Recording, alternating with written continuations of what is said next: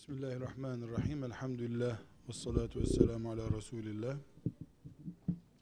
Hanımefendiler, e, İskenderun'da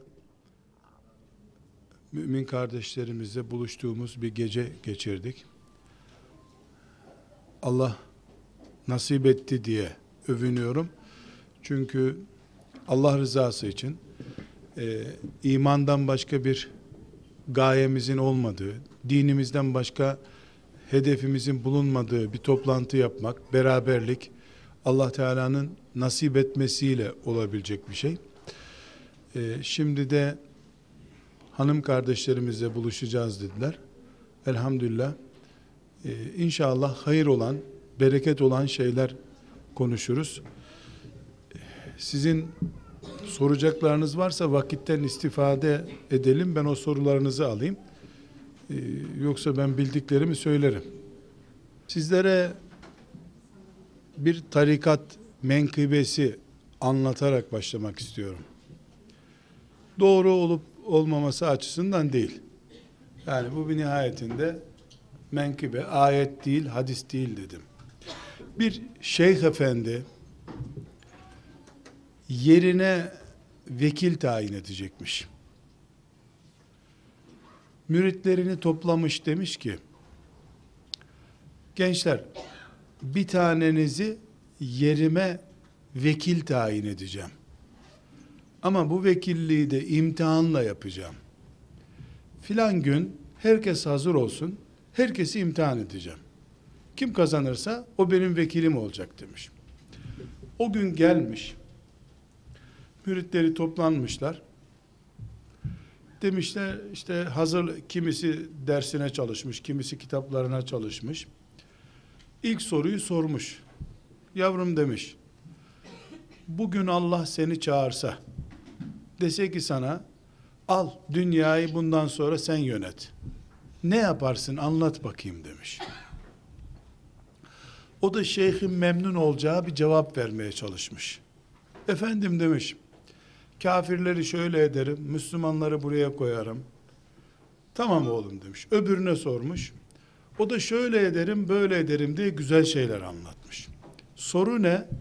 Sana Allah dünyayı teslim etse bugün, yönet dese nasıl yönetirsin? Soru bu. İşte hepsi birer cevap vermişler. Cevaplar tabi Şeyh Efendi'yi memnun edecek şeyler. İşte çok zikir çektiririm, işte kötü, kötülükleri yasaklarım bir şeyler söylemiş. Bir tanesi de sıra ona gelince demiş ki efendim demiş böyle bir şey Allah lütfederse hiçbir değişiklik yapmam her şeyi olduğu gibi devam ettiririm demiş. Yavrum demiş sen ne biçim yönetici olacaksın demiş. Her şeyi bak arkadaşların ne güzel değişiklikler yapacaklar. Efendim bugüne kadar Allah idare ediyordu. Daha iyi idare edilecek olsak böyle olurmazdı zaten. Yani en iyisini Allah yapıyor. Bugüne kadar da böyle geldi. Ben bunu değiştirmem. Allah'ın yaptığından iyisini yapamam demiş. Bu ayet değil ha. Hadis de değil. İmam-ı Azam'a ait bir söz de değil. Hikaye, tarikat hikayesi. Ama çok önemli bir not bu. Bu kainattaki bu düzeni Allah kurdu. Bu melun Yahudi'yi Allah bu hale getirdi. Yahudinin şeyhi, şeytanı da Allah ipini salıp gönderdi zaten. Sana kıyamete kadar ömür verdim. Senin peşinden gelecekler senin olsun diye Allah saldı onu. Bu mevcut düzen, kışıyla, yazıyla, baharıyla, denizleriyle, ormanlarıyla, katilleriyle, merhametli insanlarıyla, yaşayanıyla, öleniyle, açlığıyla, tokluğuyla, şu düzen Allah'ın kurduğu düzendir. Bundan daha iyisi yapılamaz dünyada. Yapılamaz. Allah neyi düzen olarak kurduysa o düzen en iyidir. Bunu kullar değiştirmek istedikleri zaman aslında değiştiremezler ama değiştirseler de kendi zararlarına değiştirirler. Mesela Allah kanun koymuş. Çocuk doğuracak kadın ölüp ölüp dirilecek. Çocuk öyle doğar. Sen bunu şan, sancısız, rahat bir doğuma çe- çevirebilirsin. Ama üçüncü doğumu yapmayacaksın o şartla. Değirmeni bozuyorsun. Değirmeni bozduktan sonra olur. Allah ne düzen kurduysa en güzelini kurmuştur muhakkak. E hoşuma gitmiyor. Senin için kurmadı ki Allah bu düzeni. Kendisi için kurdu.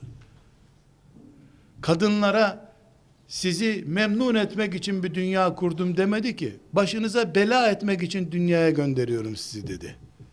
Erkeklere bu dünya sizin olsun, keyfinize göre ayarlayın demedi ki. Gidin kapılmadan değirmenin çarklarına bana gelin dedi. Bizim keyfimize göre, bizim zevkimizi tatmin etmek için bu düzeni kurmadı Allah. Bu düzeni kendisi için kurdu. Kulluk düzeni için kurdu Allah. Dolayısıyla ne kadın ne erkek biz bize göre bir düzen oluşturamayız. Oluşturduğumuz zaman o düzenden en çok zararı biz görürüz. Ne gibi? Allah toprağa bir senede 100 kilo domates yetiştirecek kabiliyet verdi. Sonra da o domatese insanın midesine girince şifa olacak bir kabiliyet verdi. İnsan becerip 100 kilo domates alacağı yerden 500 kiloluk domates alabilir mi? Alır. Alır. Şunu kattı toprağa, bunu kattı, 500 kilo olur o domates. 400 kilo kar mı etmiş oldu insan? Hastanede doktorlara kar eder. Hormonlayıp şişirebilirsin. Ama neticede ne olur? Ömrün hastanelerde geçer.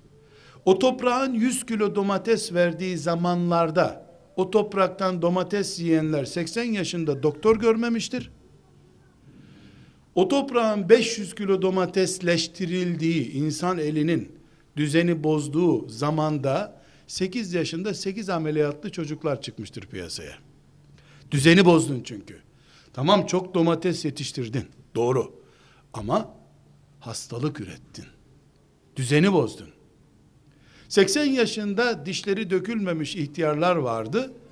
18 yaşına gelmeden çenesi kırılmış gençler var şimdi. Allah bir tavuğa 4 ayda yetişecek, büyüyecek, yumurta yapacak hale gelme kabiliyeti vermiş.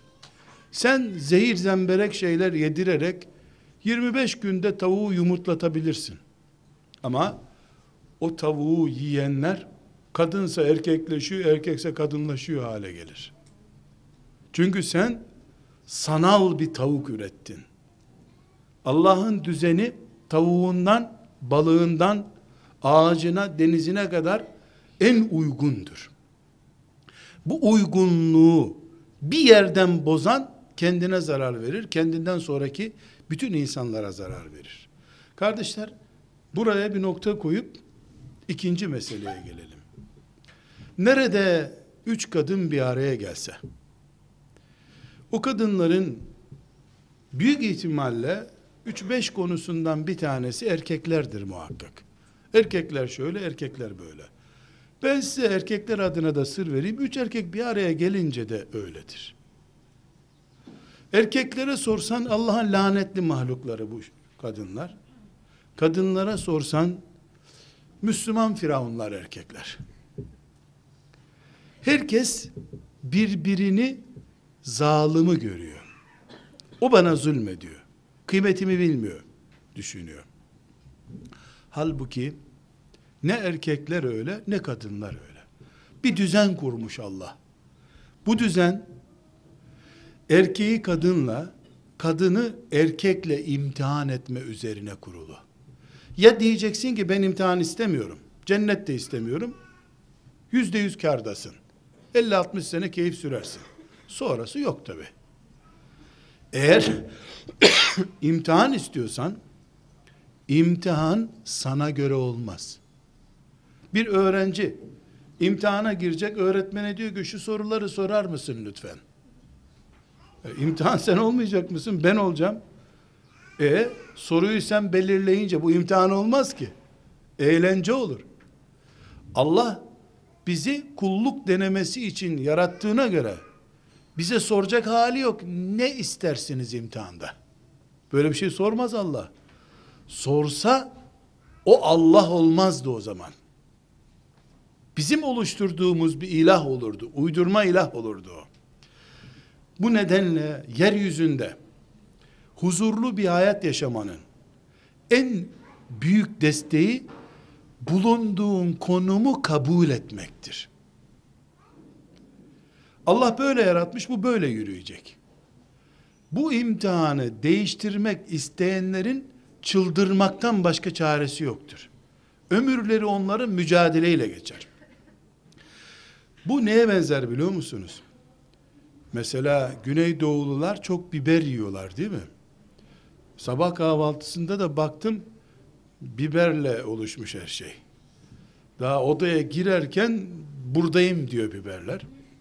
Şimdi benim yaşadığım yörede biberin hakimiyeti yok. Sadece kara lahanaya katılır bir tane böyle. Kara lahana çorbasına bir tane biber katılır. Lahananın e, kokusunu alsın diye herhalde. Şimdi ben bakıyorum biber sevenlere şöyle o yerken benim gözüm yaşarıyor. Onun çine, çenemesinden çıkan ışınlar benim gözüme çarpıyor. Terliyorum böyle. O kadar acı. Uf zehir gibi diyor. Bir daha alıyor. Uf tam acı diyor. Bir daha alıyor. Ya ne demek? Hani acıydı bu? Sevdin mi acıdan da lezzet alırsın. Ben sevmediğim için baştan biberci olmamayı istediğim için o yerken rahatsız oluyorum. Bırak ben yemeği. Ben yesem zaten gittim. Yok yok. Peynirde biber yoktu. Çok iyiydi. Peynir bibersizdi. Bu örnek hayatımız için de geçerli. Daha aybaşı olduğu günden beri çocuk doğurmanın kötülüğünü, zorluğunu, sıkıntılarını konuşan, onu erkeklerin zalimliğini, despotluğunu, eve gelip çamaşırlarını atıyor, bağırıyor, çağırıyor, gidiyor, sen orada uğraşıyorsun. Bebekliğinden beri annesinden, teyzesinden bunları dinleyen bir hanım kızın evlendiği zaman girdiği kaosu düşünebilir misiniz? O benim biber yiyeni seyrederken seyrettiğim gibi annesini teyzesini seyretti. Zorla biber yedirilince de kusacak çaresi yok. Ama biber düşkünü bir insan da biber konuşulurken ağzı sulanıyor. Nerede o biber? Kimden aldın diyor. Bir kilo da bize getirsin diyor. Nerede şu kaşığı getir bir biber atıyor. Oh iyiymiş biber diyor bir kaşık daha atıyor. Sanki şeker atıyor çayına. İki, iki tip insanın örneği bu. Bir, Allah beni bu erkeğin hizmetinde görüp bununla da cennete koymak istiyor diye düşünen bir kadın onun evlenirken ki hayata bakışı, onun doğurmaktan, çocuk büyütmekten alacağı hazzı düşün. Biber gibi de olsa karşılığında cennet alacağım Allah'tan diye düşünüyor. Öbürü de çok basit örnekleri siz de biliyorsunuz. Gencecik kızlara soruyorum. Kızım niye ısrarla sen lise okumak istiyorsun? İşim gücüm olsun diyor. E sen niye işin gücün olacak? Eşim boşarsa beni ne yaparım ben sonra diyor. Kaç yaşındasın? 14. Nişanlı mısın? Yok. Sevgilin var mı? Yok. Annem baban sana evlenecek birini ayarladılar mı? Yok. E sen boşanma hesabı yapıyorsun. Fol yok, yumurta yok. Şimdi hanımefendiler Allah için konuşalım. 14 yaşında aybaşı olmaya başlamamış henüz. Boşanınca ne yapacağını hesap ediyor. Bununla evlenen bir erkek nasıl bir hayat yaşayacak düşünebiliyor musunuz? Daha evlen yani bir evlen de boşarız seni kolay yeter ki bir evlen. Madem illa boşanmak istiyorsun. Doğmadan ölmeye hazırlanıyor. Böyle hayat olmaz ki. Her şey onun istediği gibi kaymak sürülmüş üstünde olacak. Böyle bir hayat Allah peygamberlerine nasip etmedi. Sadece Firavun'a nasip etti. Çünkü onun ahiret diye bir emeli yoktu. Kafirlere istediğini veriyor Allah. Niye? Tek şey istiyorlar. Dünya. Hem dünya istiyorsun hem de cennet de senin olacak. Şimdiye kadar kimseye böyle bir şans tanımadı Allah. Hanım kardeşlerimizin bu zamanda girdikleri sıkıntı kardeşler, bu özetlemeye çalıştığım sıkıntıdır. İmtihansız, sıkıntısız hayat istiyorlar. Erkekler de böyle şüphesiz. Ama erkekler de bu boyutta değil. Erkekler yine ben fabrikada çalışmasam aç kalırım. Aile kız vermezler, aile kuramam diye düşünüyor gene.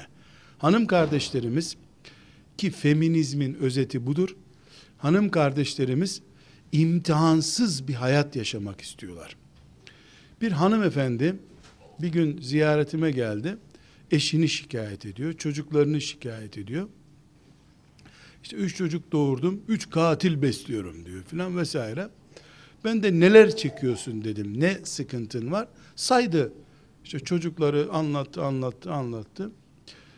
Ee, sonra da dedi ki, vallahi hocam dedi, yani Allah rızası olmasa katlanmam ha dedi, atlarım köprüden dedi. Doğru mu söylüyorsunuz dedim. Doğru söylüyorum dedi. Ya hakikaten mi Allah rızası için? E, Tabi. Hanımefendi dedim.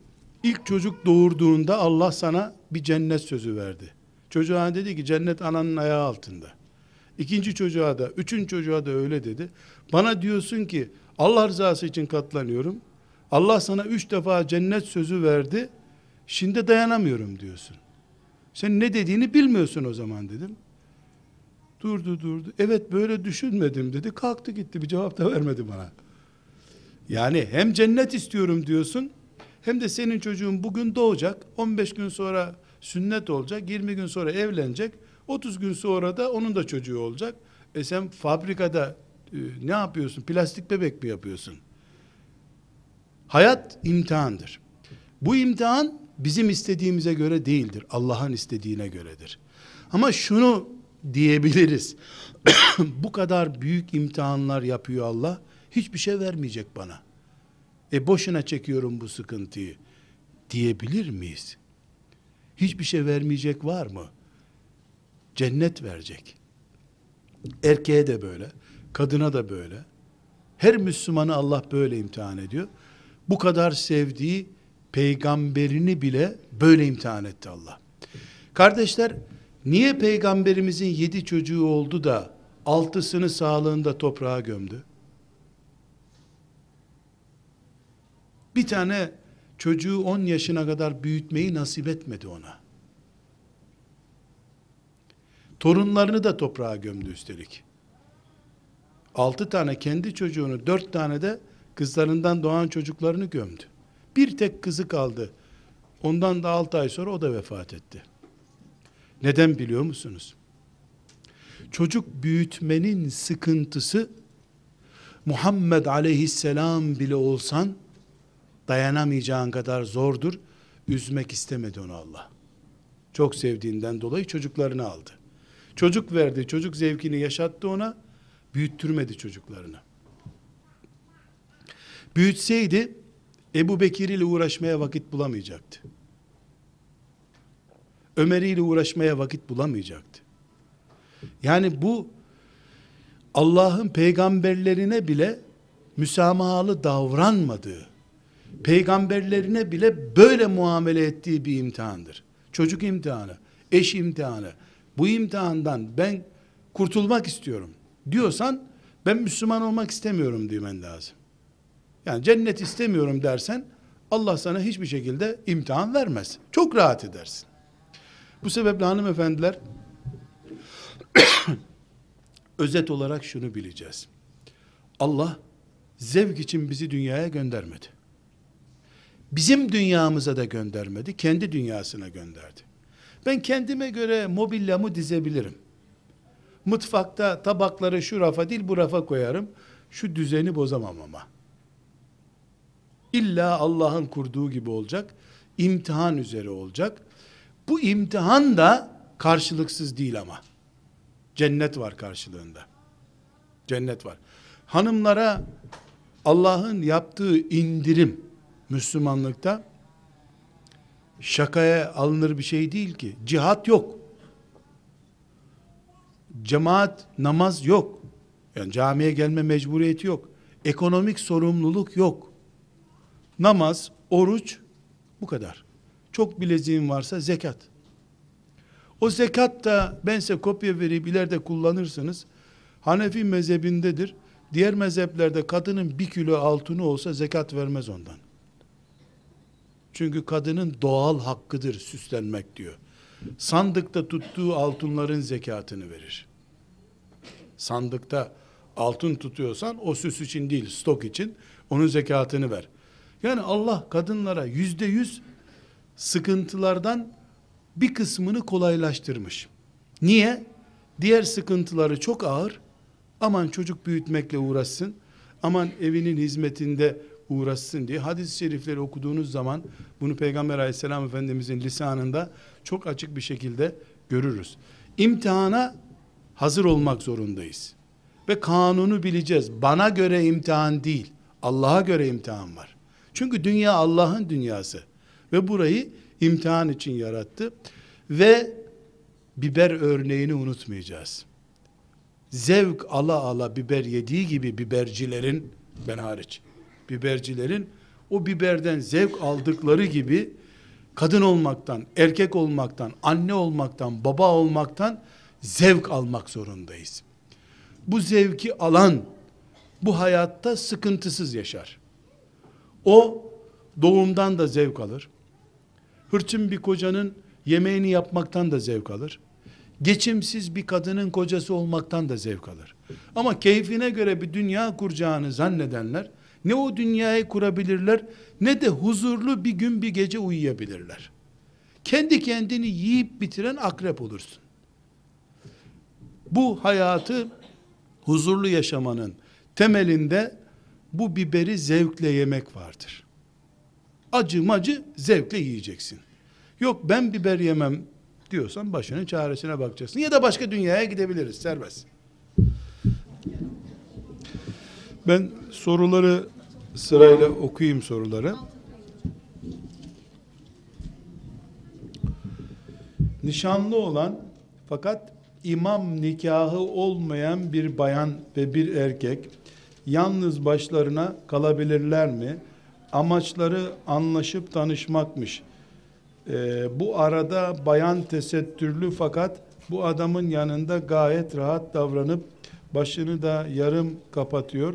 Bu konuyu görüşlerinizi anlatır mısınız? Ben önce burada bir itirazım var. Nikahın imamı müezzini olmaz.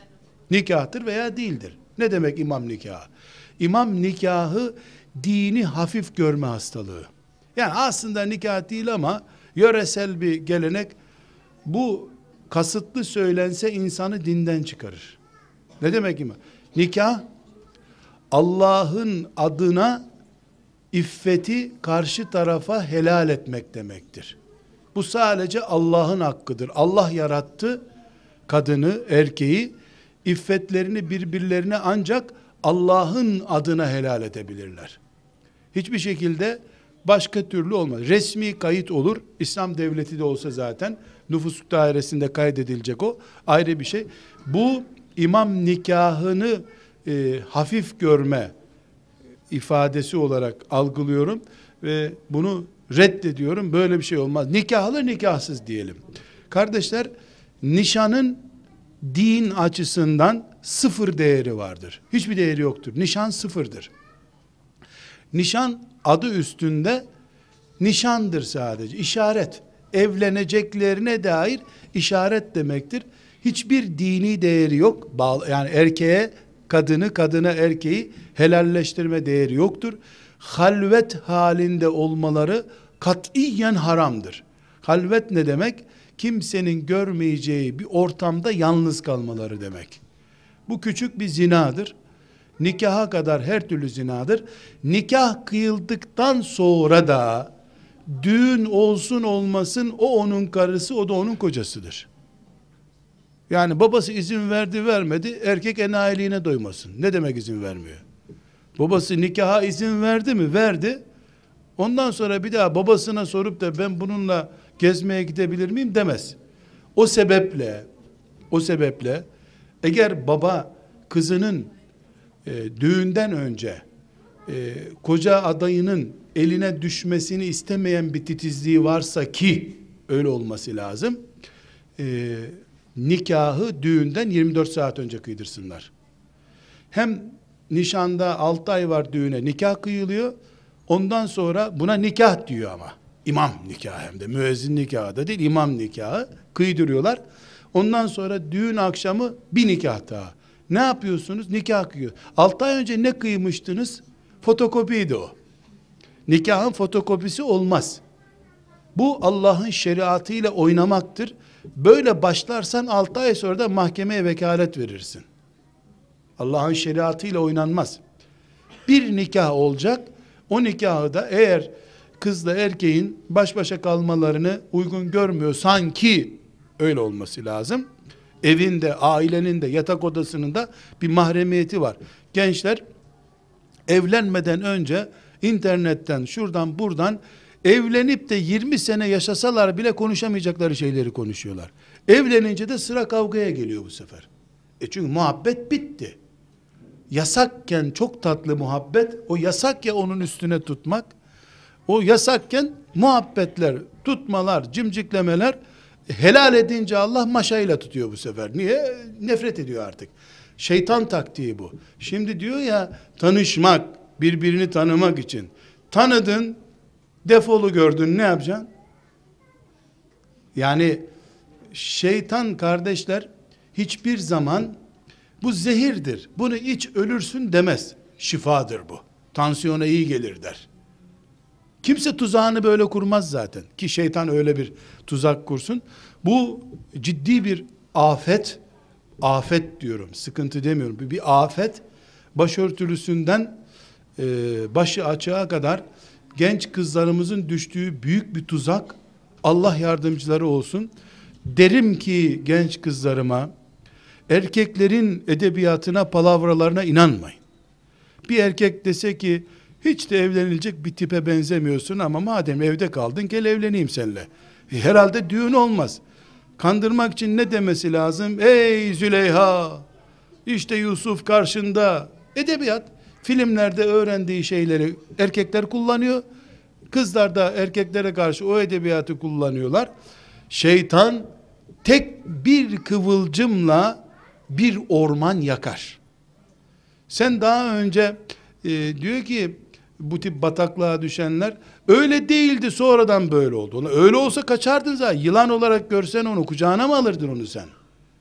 Sen onu tavşan zannettin. Eline alınca yılan çıktı. Allah bir şeyi yasak ettiyse vardır gökler kadar büyük bir hikmet onda. Onu biz anlamayız. Halvet haramdır. Yani nikah akdi gerçekleşmeden bayan ve erkeğin tek başına birbirleriyle müstehcen şey konuşacak şekilde baş başa kalmaları haramdır. Birbirlerinin tenlerine, etlerine tutmaları haramdır. Birbirlerinin nefeslerini koklaşacak kadar yan yana gelmeleri haramdır. Kadın erkekle konuşurken göğüs kalınlığı, e, omuz genişliği belli olacak bir kıyafetle onun önünde bulunup onun şehvetini kışkırtması haramdır. Bunlara hanımlar dikkat edecekler ve hararetle e, tavsiye ediyorum. Muhakkak kız annesiyle, ablasıyla, teyzesiyle, üçüncü bir şahısla bu kararı versin. Abisiyle, yeğeniyle, eş adayının yanına gitsin. Sansürlü konuşurken ne konuşacağını görsün daha iyi tanır karşısındakine. Edebiyat yapamaz o zaman. Hele hele dayınla gittin mi dayın evli ise onun yaptığı edebiyatın ne kadarı doğru ne kadarı yanlış o onu anlar. Kendi de onu yapmıştır zaten. Yeğenim palavra söylüyor öyle değil der. Ama her çocuk genç doğuyor. Ee, daha önce denemediği bir oyun olduğu için bu kesinlikle tuzağa düşecek. Kadın da erkek de şeriatımız hayattır. Allah'ın izniyle. Evet zevkimize uymayan yönleri vardır ama zevk zevk için değil ki bu. zevk için değil. İşte bir slogan söylüyorum. Neden gençler nişanlıyken yaptıkları muhabbeti evlendikten sonra yapamıyorlar? Çünkü pillerini tüketiyorlar. Senin anam benim anamdır zaten. Benim iki tane anam var bundan sonra. Kıyamete kadar kimse bu lafa inanmasın. Ne demek? İki anadan doğmak kolay mı o kadar? Annene de hürmet ederim derse inan buna. Senin anam benim anam artık. Elini ayağını öperim. Hiç kendi annenin elini öptün mü hayatta? Yalan. Ama bunu anlatmak ne kadar kolay bilemiyorum. Sadece tebliğ etmiş olmak için bunu söylemiş olayım. Şimdi bakın burada iki soru var. Biri biriyle ne kadar bağlantılı. Öldükten sonra organları bağışlamak caiz mi? Bir, bayanların pantolon giymesi caiz mi? Bunu yazanı dışarıda bulun. Ne diyeceksiniz deyin ona. Ölüyle kadın pantolonun ne alakası var? Benim hoşuma gitti gerçi. Cevabım ikinciye vereceğim cevap çok alakalı ölümle de. Şimdi bir Müslümanın sağlığında üremeyen organını vermesi haramdır. Yani sakat kalıp birini yaşatmak haramdır. Yani ben burnumu kesip veriyorum başka bir Müslümanın burnu olsun diye yok böyle bir şey. Çünkü bedenlerimiz bizim değil, Allah'ındır. Sırf bu yüzden erkeklerin sakal kesmesi haramdır. Sırf bu yüzden bayan bekaretini anlaşarak veremez bir erkeğe. Mal Allah'ın çünkü. Tapu Allah'ın. Kadın, erkek Allah'ın. Allah'ın adına kadın erkeğe iffetini teslim edebilir. Çünkü sahibi Allah. O yüzden nikahsız şeye zina deniyor. Erkek sakalını kesmesi niye haram? Çünkü sakal erkeğin doğal uzantısı. Kendisi gidip bunu kuaförde yaptırmadı ki Allah böyle yarattı. Burnunu kesmek de haram, sakalını kesmek de haram. Öldükten sonra da yapılan bağış Allah'ın izniyle sadakadır. İnşallah sadakadır. Bayanların pantolon giymesine gelince kardeşler şeriatımız bayanlara ve erkeklere muayyen bir konfeksiyon çeşidi ilan etmemiştir. Ne erkekler için ne bayanlar için bir konfeksiyon ürününü övmez ve yasaklamaz dinimiz. Ama ne diyor? Bir bayan 10 metreden izlendiğinde ayağından kafasına kadar bir erkeğin akşam tasavvur edeceği görüntüde olmaması gerekir diyor. Ben bunu böyle özetleyeyim. Bir erkeğin tasavvuru ne demek? Bir erkek bir bayanın nesinden etkilenirse, saçından, yanaklarından, omuzlarından, göğüslerinden, baldırlarından, bacaklarından nesinden etkilenirse bunu erkeğin dikkatini çekecek hale getiremezsin. Tesettür demek setere fiilinden bir şeyi koruma altına almak. Böyle yani önüne perde geliyorsun. Mesela bu perde dışarıyla bağlantımızı kesiyor. Tesettür demek kadını erkeğe karşı koruma altına alan şey demek. Bunun adı çarşaf olur, battaniye olur, yorgan olur bilmem. Adını koymuyor İslamiyet. Çarşaf en iyi kıyafettir diyorlar. Rüzgarda ve yağmurda giyildiğinde en rezil kıyafet oluyor. Çünkü katlanınca bir cep çantasına konacak kadar ince bir tülden yapıyorsun çarşafı. Altında da bir şey giymiyorsun. Rüzgarda rezil bir kıyafete dönüyor. E çarşaf vardı ecdat giyiyordu. E, et altında battaniye gibi de kalın şeyler giyiyordu. Rüzgarda yağmurda bir şey etkilemiyordu. Önemli olan çarşaf değildir. Yorgan değildir. Önemli olan kadının izlenememesidir. İzlenmeyecek kadın. Dolayısıyla pek çok tesettür türü rezildir. Çünkü normal başını açıp kuaför yapıp gelse üçüncü sınıf bir kadın olarak görünecek. Giydiği tesettürle dünya kraliçesi gibi görünüyor. Dolayısıyla tesettür bakar mısın bana dedirtiyor. Halbuki tesettürün vazifesi bakma bakma dedirtmek. Kadından uzaklaştırmaktır. Kadın kocası dışında kimsenin önünde cazip olmayacak. Tesettür bu demek. Pantolona gelince pantolon üstünden çarşaf giyecekse sünnettir bile diyebilirim.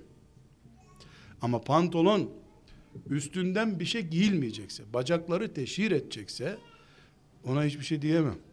Benimle alakalı değil, dinimle alakalı değil çünkü. Ama meselemiz pantolon, ceket meselesi değil. Meselemiz erkeğin kadına gözü çarpınca ona bir daha bakıp isteyip istemeyeceği meselesidir. Eğer bir kıyafet ile dolaşırken kadın, erkek onu kazara yolda görüyor. Bir saniye görünce bir saniye daha bakmayı arzu ediyorsa erkek onun adına tesettür demiyoruz. Çekiyor. Kadın kıyafetiyle erkeği üzerine çekiyor. Bunun adı da fitne. Kadına pantolon, kot pantolon, şal var ne giyecekse giysin artık.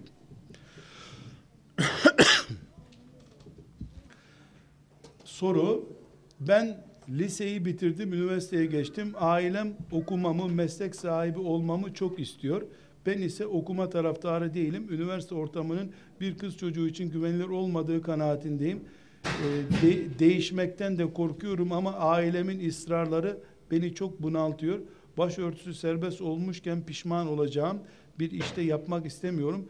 Üniversite ortamına rağmen kız çocukları okumalı mı yoksa en güvenilir yer onlar için evleri midir? Şimdi kardeşler bir hakikati beyan edelim. Bizim sorunumuz başörtüsü sorunu değildir. Sorunumuz ne biliyor musunuz? Biz kadını ümmeti Muhammed olarak görüyoruz. Kadını kadar bu ümmet büyük ümmettir. Kadın bu ümmetin şerefidir. Hayasıdır. Bir kadının kocasından önce hiçbir erkeği ayrıntılarıyla görmediğini kabul edin. Bir o kadın var kabul edin. Bir de bir üniversitenin amfisinde 300 tane kot pantolon giymiş bütün her şeyi ortada, tüyleri ortada, yarı atletli, yarı bütün müstehcen organlar ortada. Yüzlerce erkeği 4 sene görmek zorunda olan bir kadın düşünün. İkisi evlenince hangisinin gözü bakiredir, hangisininki değildir? Meseleyi sadece kadının saçının görülmesi olarak ele alamazsınız. Kadının da erkeği görüp sulanmış, erkeğe karşı sulanmış, cıvıtmış kadın olması sorunu var ortada. Tek bir başörtüsüne niye takıldık gittik biz ya? Başörtüsü var, altta da kot pantolon var. Üstü Mekke, altı New York. Öyle bir Müslüman çıktı bu sefer ortaya. Bizim sorunumuz bu sorun değil. Evini Kabe gibi mukaddes bilecek kadın, erkeklerin ortasında kalmamış kadındır. Bu nedenle tıp ve tıbbın yan kolları dışındaki branşlarda kızlarımızın okumasının caiz olmadığını düşünüyorum. Tıp branşı zaruri farz bir ilimdir. Tıbbın yan branşları var. Yani röntgendi, biyologtu. Bunlar tıbbın alt hizmetlerini görüyorlar. Bu eczacılık şimdi öyle bir meslek değil. Eczacılık ilaç satma mesleğine döndü. Ama üniversitede eczacı olmak farklı. Yani ilaç yapmaktır eczacılık. Şimdi ilaç satmaya eczacılık diyorlar. Onu hiç okumayanlar bile satabiliyorlar. Zaten bir tutam ot geçiren ilaç eczacı oluyor. Şimdi aktarlık yapıyor. Yani onun için okumak gerekmiyor. Dolayısıyla farzı ayın olan yani Müslüman kadın cerrah, Müslüman kadın e, hastalıkları uzmanı yetiştirmek bir farzdır. Ümmetin görevidir bu. Bunun için üniversitelerde e, zaruri şartlarda fedakarlık yapabiliriz.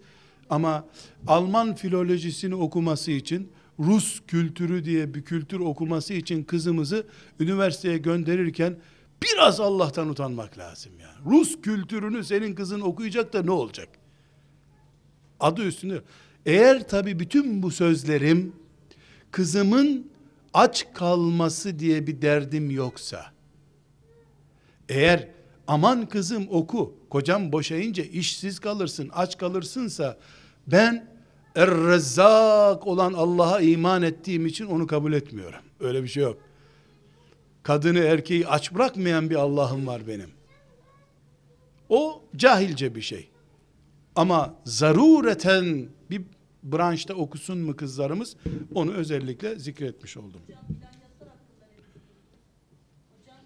Antalya'da e, bu bana bayanlar tarafından soruldu. 300 tane kızım olsa hiçbirini ilahiyata göndermem dedim. De yani 300 kızı nereden bulacaksın diye sormadılar da sonra e, niye göndermiyorsun diye devam ettiler.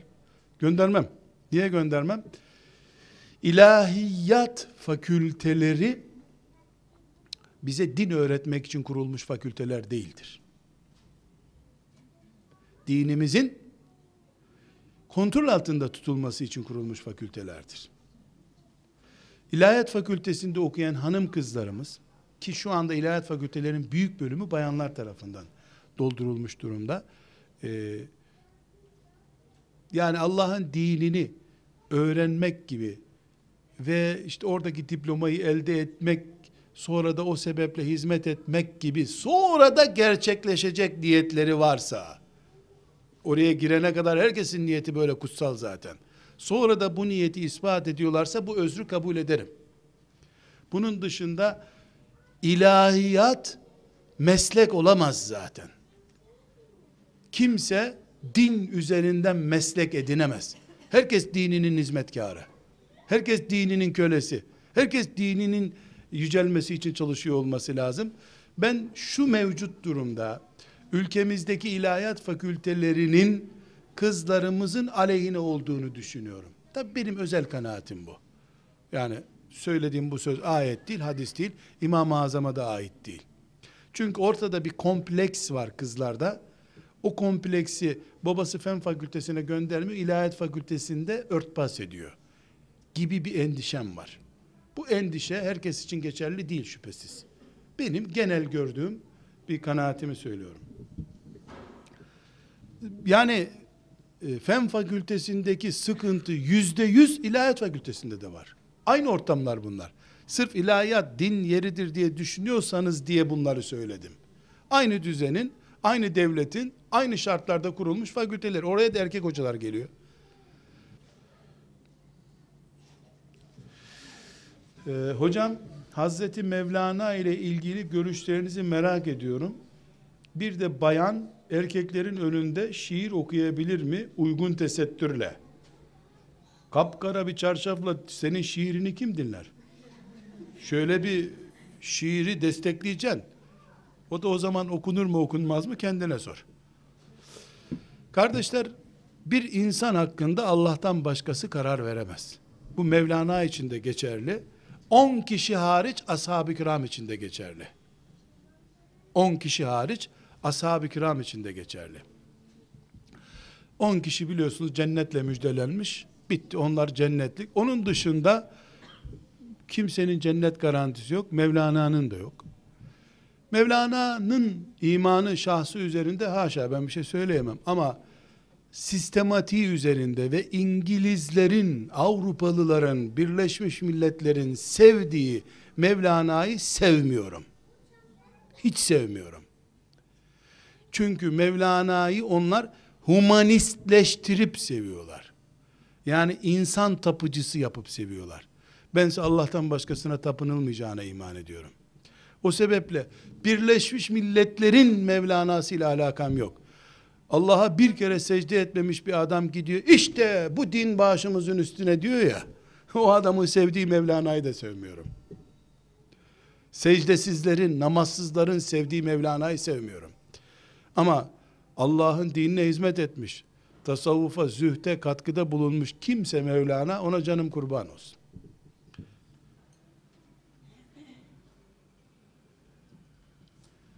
Ee, sanatçı birine erkek veya kız hayranlık duymak ne derece doğrudur? Benim bildiğim Resulullah'tan başkasına hayran olunacak bir şey yok bu dünyada. Boş adam hepsi. Sesi güzel, kafası boş bir adamın nesine hayran olacaksın? Bunlar boşluktan kaynaklanıyor kardeşler. Kalp illa tiryaki olacak bir şey ister. Koy ona Resulullah'ı bak sanatçı değil, melek bile yer bulamaz o kalpte bir daha. Çıkarırsan Resulullah'ı e, belediyenin çöpçüsüne bile aşık olursun. Yani doldurman gerekiyor. Boşluğu dolduracaksın. Eğer çocuğun önüne oyuncak koymazsan o da gelir senin tabaklarını kırar. Yaramazlık yapar, büfeyi dağıtır. Onun için çocuğun önüne büfeyi dağıtmasın diye, vitrini dağıtmasın diye oyuncak konur. Biz de kalbimize Resulullah'ı koymazsak, onun sünnetini koymazsak, ilim öğrenmezsek, şeytan becerir bir şarkıcı, zurnacıyı, zurnacı kalmasa davulcuyu. Birini muhakkak bize yerleştirir. Müslüman için seviyesiz bir şey bu.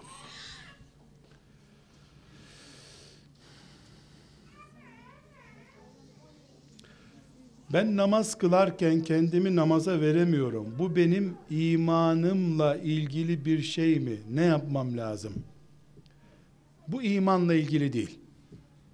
Yani ashab-ı kiramdan da olsan yüzde yüz namaz kılamaz kimse. Dünyada kılıyorsun bu namazı. Bir gün inşallah cennette sorunsuz namaz kılarız. Varsa namaz orada. Orada namaz yok ama. Dünyada sorunsuzluk mümkün değil. Ama neyin mücadelesini yapacağız? Aşağı doğru düşsün. Yani bir kadının bebeğini unutup namaz kılmasını beklemiyor Allah zaten. Hatta ve hatta çocuk hıçkırarak ağlamaya başladı. Sen de öğlenin birinci rekatındasın. Hıçkırıyor çocuk. Bu böyle ağlamazdı. Bir annenin Aa, boş ver sen deyip Bakara suresini birinci rekatta okuyup namaz kılması mümkün mü? Ne diyor şeriat?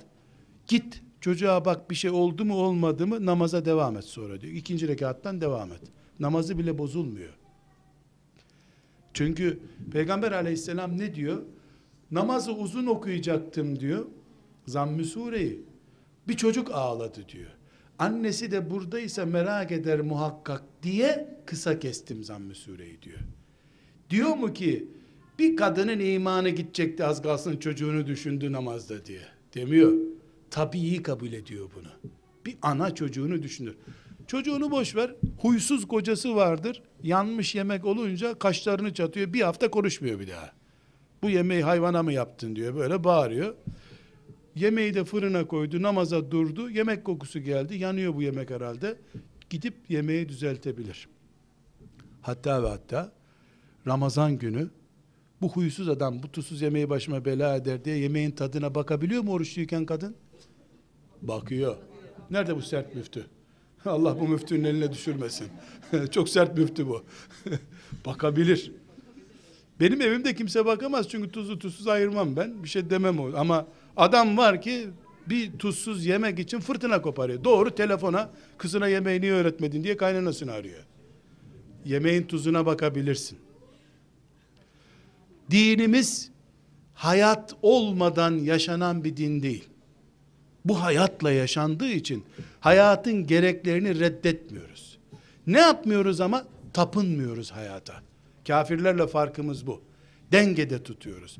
Sıfır sorunlu, sıfır düşünceli namaz isteriz, olmaz o onu biliriz ama. Böyle bir namaz olmaz.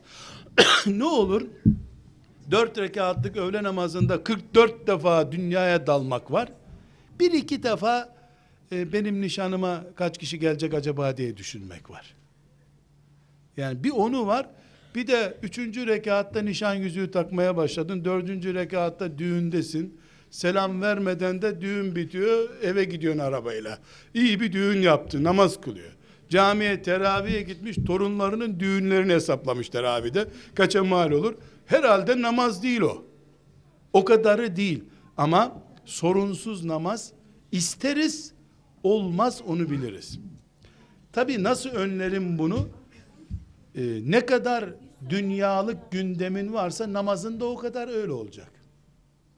Yani e, ocağa yemek koymuşun fırında bir iki çeşit tepsi üstünde dört çeşit yemek dört tane ocak bulunduğu için altı yemek pişiriyorsun o arada da övleye durmuşsun. Altı kere dalma hakkın var senin namaza. Bir de bir çorba koymuşsun bir defa düşüneceksin onu. Yani örnek olarak bunu söylüyorum. Dünyalığın ne kadar meşgul ediyorsa seni, ne kadar dizi film izliyorsan o kadar namazda da onlar aklına gelecek. Dizi film değil de Allah'ın ayatı beyinatını, Kur'an'dan cennet ayetlerini okuduysan namazda kendini cennette hissedeceksin. Eşinden ayrılmaya karar veren bir hanım boşandık diye düşünüp evini ayırıyor fakat koca talaktaki boşama maddesini yerine getirmiyor. Seni boşamıyorum diyor. Düğünden önce veya sonrasına göre cevaplar mısınız? Ben düğünden önce filan bir şey bilmeyeceğimi söyledim. Nikahtan önce nikahtan sonra olur bu. Düğün hiçbir şey değil. Davul zurna düğün. Düğün dediğin nedir ki? Nikah kıymadan önce yani evet kabul ettim sen benim kocamsın şahitlerin önünde böyle söylemeden önce kadın ben seninle evlenmiyorum der ne babasına ne annesine ne koca adayına kimseye bir şey sorması gerekmez. Nikah masasına oturulup evet kabul ettim kabul ettim kabul ettim dedikten sonra kadın selamun aleyküm işi bitti kadının. Kadın o zaman boşanmak istiyorsa ister bir saat sonra nikahtan bir saat sonra isterse 25 sene sonra olsun. Önünde iki seçenek var. Bir, erkeğe diyecek ki sen beni boşamak için ne istiyorsun? O da diyecek ki baban bir daire versin boşayayım seni. Buna şeriatımızda hulu deniyor. Yani kadın erkeği bir tür e, malla gözünü doyurup boşanmaya ikna ediyor. Erkek de boşadım seni diyor. Daireyi alıyor gidiyor erkek. Bir bu. İkincisi kadın mahkemeye müracaat eder. Bu adam zalim bununla yaşanmaz der. Mahkemede ikna olur boşar. Bu da caiz. Bunun dışında ip erkeğin elinde. Erkek boşamadıkça ben gidiyorum babanın evine değil Washington'a gitsen, Moskova'da 50 sene yaşasan adamın karısısın. Gidecek yapacak hiçbir şey yok. O yüzden işte genç kızlar babası annesi olmadan annesi babası tamam yavrum uygundur demeden kimseye senin karınım demesinler. Bu söz bir defa söyleniyor 50 sene sıkıntısı çekiliyor sonra. Onun için bizim şeriatımız baba onayı olmayan nikahı yok sayıyor. Kızın babası onay vermeli diyor. Çünkü kız duygusaldır. Sana şöyle edeceğim, sen ömrün şöyle geçecek, sen kraliçe olacaksın der. Tamam, hazır kraliçelik ne güzel. Gelir, bir gün sonra bakar ki kraliçelik değil, kapıcılık bile yok ortada. Bu sebeple böyle bir bayanın yapacağı hiçbir şey yok. Ya erkeği ikna edecekler, hulu yapmaya yani bir madde karşılığı boşamaya ikna edecekler ya da mafyaya gidecek. O da hocalık bir iş değil. Hanımefendiler, Refik bunları al. Bunları internet fetva meclisinden cevaplandırırız. Allah yaptıklarımızı kabul buyursun. Cihad eden kulları olarak huzuruna gitmeyi bize nasip müyesser kılsın. Sizlere teşekkür ediyorum. Ee, dualarınızı istiyorum. Allah'a emanet olun. Selamun Aleyküm.